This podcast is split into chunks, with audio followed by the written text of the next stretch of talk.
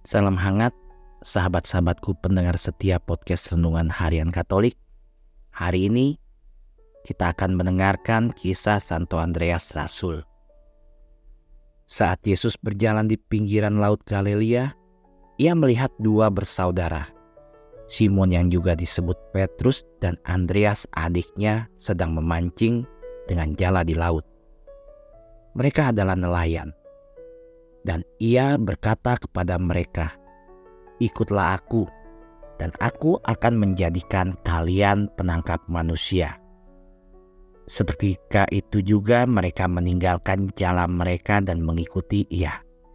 Kemudian dari situ ia melihat dua bersaudara lainnya Yakobus anak Sebedius dan Yohanes adiknya di perahu bersama Sebedius ayah mereka sedang memperbaiki jalan mereka dan ia memanggil mereka juga.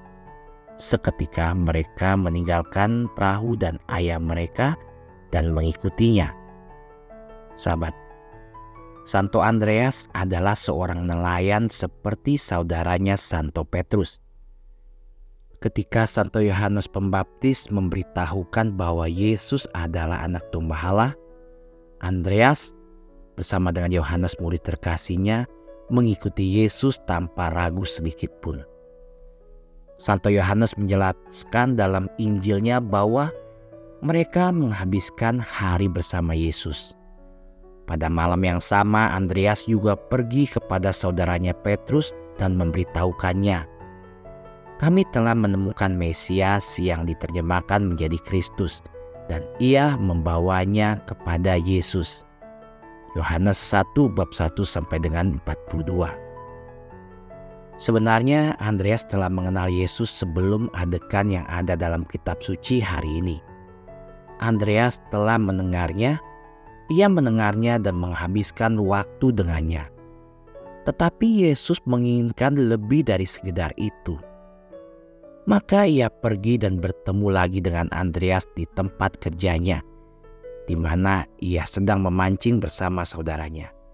Dan di sana ia meminta Andreas untuk meninggalkan segalanya dan menjadi muridnya.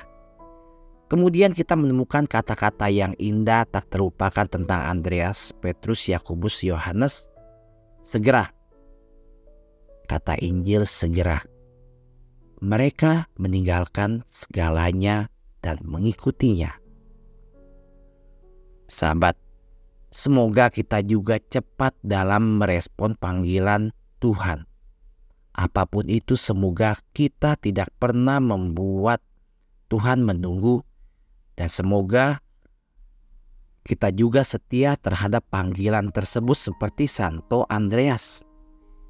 Dikatakan bahwa pada akhir hidupnya, Santo Andreas disalib di atas sebuah salib berbentuk X. Konon atas permintaannya sendiri, karena ia menganggap dirinya tidak pantas untuk disalib seperti Yesus. Ketika matanya yang menua melihat salib yang berseru, salib yang baik yang dihiasi oleh tubuh Yesus, sangat lama aku merindukanmu dengan penuh semangat aku mencintaimu tanpa henti. Aku mencarimu dan sekarang kau siap menerima jiwaku yang begitu bersemangat.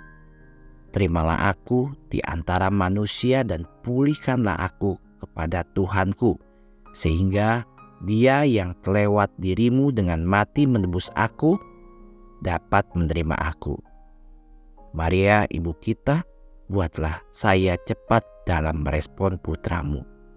Bunda Maria harapan kita dan tetap kebijaksanaan, doakanlah kami.